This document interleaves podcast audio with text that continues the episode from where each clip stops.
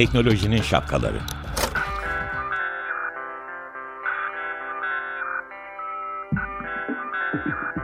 Bilgi ve iletişim teknolojileriyle güvenli ilişki için Banu Zeytinoğlu, Murat Lostar, teknolojinin tüm renklerini, siyah, beyaz, mavi, kırmızı şapkalarını konuşuyor.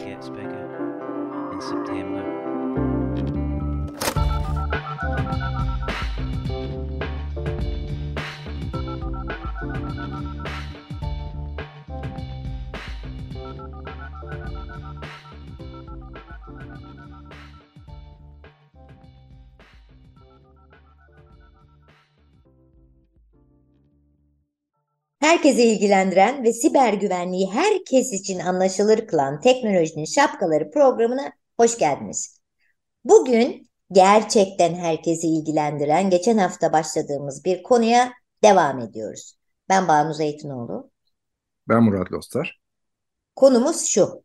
E-Devlet'teki kimlik numarası ve şifre verilerinin sızdırıl yani sızıyor olması, çalınıyor olması ve karanlık ağlar üzerinden satılıyor olması. Böyle bir şey mümkün mü? Mümkün.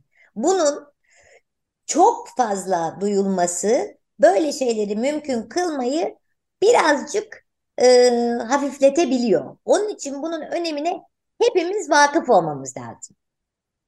Değil mi Murat? Nasıl hafifletiyor bağlı? Ben sorayım bu sefer sana. E çünkü şimdi o devletlerde şöyle bir şey oluyor mesela. Sen geçen programda dedin ki yani başka devletlerde de oluyor ama olay oluyor o zaman. Bu kadar büyük olay olup halktan, kullanıcıdan bu kadar büyük tepki geldiği zaman o zaman bunun önemi belki devlet tarafından da daha çok anlaşılıyor ve daha büyük önlemler almaya çalışıyorlar ve e, mahcup oluyorlar belki. Belki o zaman da hırsızlar e, ama nasıl olsa bunların çok da fazla bir şey olmuyor biz yapalım demek daha kolay oluyor belki de hırsızlar tarafından. Yani bir kere tepki göstermemiz gerekiyor. Yani bu şey gibi kadın cinayetlerine tepkisiz kalmak ne kadar korkunç bir şeyse benim kişisel verilerimin çalınıyor olmasına toplumca tepki göstermiyor olmamız da o derecede korkunç bir şey. Bir de yani. Sorumluluk adına da korkunç. Kızdım bak. Ve haklısın kızmakta. Tabii aslında çok tatsız ama çok doğru bir benzetme yaptın Banu hani kadın cinayetleri derken yani halkın verdiği tepki bu sadece Türkiye'de değil İran'da da böyle tepkiler var çok iyi bildiğin gibi. E, dünyanın farklı yerlerinde farklı grupların bazen azınlık grupları e, bazen farklı gruplarda hani toplumun sesi aslında bir yönlendirme oluyor haline geliyor bir noktada. Bazen daha başarılı oluyor toplumun sesi, bazen daha e, inatçı oluyor karar vericiler. Daha zor bu konularda kararlar alıyorlar çeşitli sebeplerle. E, ama hani Türkiye'de ne yazık ki e, hani aralarında benim de e, hayretle, gururla, e, keyifle gözlemlediğim e, ne yazık ki toplam nüfusla karşılaştırdığımız zaman istisna kalanlar hariç e, devlet çalışanlarının önemli bir bölümü kendi işleri ne olursa olsun bunu bilgi birikimiyle, hakkıyla e, yapabilecek nitelikte, yetkinlikte değil. Ben bunu siber güvenlik için gözlemleyebiliyorum. Ben bunu bilgi teknolojileri açısından gözlemleyebiliyorum belli seviyede. Ama bireysel tahminim o ki bu sadece teknolojiye özgü bir yoksunluk eksikliği değil. Hayır. Çok haklısın. Yani bunu biz ben de diğer mesleğimle ilgili yani iletişim e, alanında bakabilirim, kültür sanat alanında bakabilirim. E, kültür sanatla uğraşan herkes kültür sanatla gerçekten e, ilgili bir donanıma sahip mi bilemiyorum. Emin değilim. Evet. Çok Haklısın. Tamam. Evet. Şimdi e, bu konuda aslında şunu söylemek istiyorsun. Bu konuda devlet bu görevi aslında devlet olmaktan kaynaklanan bu görevi düzgün bir şekilde yerine getirmiyorsa ya da getiremiyorsa. Ee, devletin yönlendiricisi dümeni sıfatında yer alan e, siyasette bu konuda bir takım eksiklikler varsa, e, sivil toplum dediğimiz yapının aslında bu konudaki eksikliklere tavır koyması, gelişme talep etmesi çok doğal. Ama bunu yapabilmesi için önce kendisinin ayması gerekiyor toplum olarak. Bunun bunun bir felaket, bir nevi felaket olduğuna, risk olduğuna dair. Evet. Evet, felaket olmuş olacak. Ee, kesinlikle katılıyorum. Ee, zaten hani biz de zaten sen de bu programı hani geçen hafta bunu konuştuk. Bir sonraki hafta da bunu konuşalım diye sen söylerken de aslında bunu kastediyordun diye düşünüyorum. Yani Evet, hani yeni bir haber olduğundan var bir sürü yeni haber ama hani yeni haberleri tartışmaktan, yeni bir şeyleri tartışmaktansa olayın felsefi, felsefesini konuşmalıyız. Ya biz bu programı da ondan yapıyoruz. Yani bilgi güvenliğiyle benim ne alakam var? Bilişim güvenliğiyle diyebilir e, sokaktaki herhangi bir vatandaş, herhangi bir arkadaş. Ama e, onu bilinçlendirmek için. Bunu da ben kendim senin gibi elimde biri varken böyle bir şeyi yapmıyor olmayı, yapabilecekken yapmıyor olmayı sorumsuzluk olarak adlandırdığım için sana tekrar yapıştım ve gel dedin ve sen de zaten bunu istiyordun. Bu da bir örnek yani. Doğru. Ben sana şunu sormak istiyorum. Yani korkunca bir şeyler yapıyoruz ya, ay, ayılıyoruz ya. Şunu sormak istiyorum ben sana. Şimdi e, geçen programda söyledik. Yani bizim bütün şifreli olan işlemlerde olduğu gibi bir kere kendi şifremiz konusunda bütün o bizim daha önceki e, yayında ve post podcast kanallarında olan nasıl şifrelendireceğiz kendimizi ve işte bankaya girerken vesaire gibi bunu dinleyebilirler podcast'ten. Ama şöyle bir şey biz şunu dedik yani burada en güvenli yol e, bir kere e-devlete girerken sizin kullanacağınız en güvenli e, yolu ben tekrar etmek istiyorum. Eğer mobil imzanız, e-devlet imzanız e, varsa ve banka üzerinden örneğin giriyorsanız bu kendi şifrenizle girmekten çok daha güvenli oluyor. Ben ama sana şunu sormak istiyorum. Herkesi daha çok uyarmak ve bu konuda farkındalık yaratmak için. Benim E-Devlet TC kimlik numaramız zaten veriyoruz herkese. E-Devlet şifrem çalındı, verilerim alındı. Birileri de bunu satın alındı. Benim başıma ne gelir? Şimdi bu sorunun iki cevabı var. Bir, sana ait verilerin çalınmasından kaynaklı bir zararlar var. Evet. İkincisi, Evet. Eğer senmişsin gibi e-devlete bir başkasının giriş yapması mümkün olursa, o zaman e-devlet üzerindeki birçok hizmette bir takım kararlar almak, işlem yapmak gibi bir zarar var. Bunları ayrı ayrı hızlıca bahsedeyim. Sadece e-devlet üzerinden erişilebilir olan değil, Türkiye Cumhuriyeti'nin tüm devlet kurumlarında, e, tüm vatandaşlarla ilgili kendi dallarında çok sayıda veri var. Bu verilerde tabii ki olmalı orada. Neden olmalı? Bu sayede işte bize yani vatandaşa hizmet verebiliyor. Bu hizmetin kalitesini arttırabiliyor devlet. Örnek olarak istediğimiz kadar özel hastaneye gidelim. Devlet hastanesi olmak, özel hastane olmak fark etmiyor. Türkiye'de ki tüm sen gittin hastaneye seninle ilgili bir tanı kondu. Grip oldun. Öyle hani çok hani önemli kötü bir şey olması gerekmiyor. Seninle ilgili bir laboratuvar testi yapıldı. Bu testlerin sonuçlarının her biri Hı hı. devlet devlet hastanelerinden doğal olarak, şehir hastanelerinden doğal olarak ama bağımsız olarak e, özel hastanelerden de kanun gereği Sağlık Bakanlığı'na gidiyor. Neden? Çünkü bu sayede devlet tüm ülkenin sağlığını bir merkezden gözlemleyebiliyor ve sağlık politikaları konusunda bilinçli ve doğru kararlar alma yönünde elinde bir veri toplamış oluyor. Tamam. Ama bunu düzgün korumazsa ne oluyor? Banu'nun geçmiş e, bütün testleri, bütün sonuçları ortaya çıkıyor. Ve her şey bir yana bu bir kişisel hak. Yani senin bu bilgilerinin gizli olması gerekir. Hani senin özelinde bu geçerli değil ama mesela birisi belki işe başvuracak, bir işe girmek isteyecek ve orada hani işe e, hani işe eleman alanlar bu anlamda geçmişte aslında o işe ilgilendirmeyen bir sağlık sonucu yüzünden farklı bir karar verecekler. Mesela bu hak ellerinden alınıyor. Anladım. Bu, bu yani bu bir tanesi ya da diyelim tabu kadastro geliyor senin bütün nerede ne şeyin var malın mülkün var her şeyin farkına varıyor. Yani çünkü benim e-devletime girdiği zaman benimle ilgili dediğin gibi bütün o verilere ulaşıyor ve ben orada işte malım mülkümle ilgileniyorsa o malımın mülkümü benim haberim olmadan satabiliyor mu? Allah'tan bunu yapamıyor. Heh. Çünkü Türkiye'de iki tane işlem var. Mal mülk satmak almak, evlenmek boşanmak. Bunlar e-devletten yapılmıyor. Bunlar elektronik imza ile yapılmıyor. Bunlar da bunlara merasimli işlem diyor hukuk. Yani senin fiilen orada olman gerekiyor. Çok akıllı. Hukukun yaptığı çok doğru bir şey var. Şimdi bir, no, bir ara verelim lütfen. Yine bir gönderme yapalım istersen. Gönderme değil de deprem bölgesine de e, Hatay'a, Antakya'ya da güzel bir e, şey olsun, mesaj olsun bizden. E, çünkü Antakyalı Mengene grubunun parçasını çalmak istiyorum. Mengene Barış Atay ve Nihat e, Mayıl'ın kurduğu bir müzik grubu. Yürü Bre Hızır Paşa.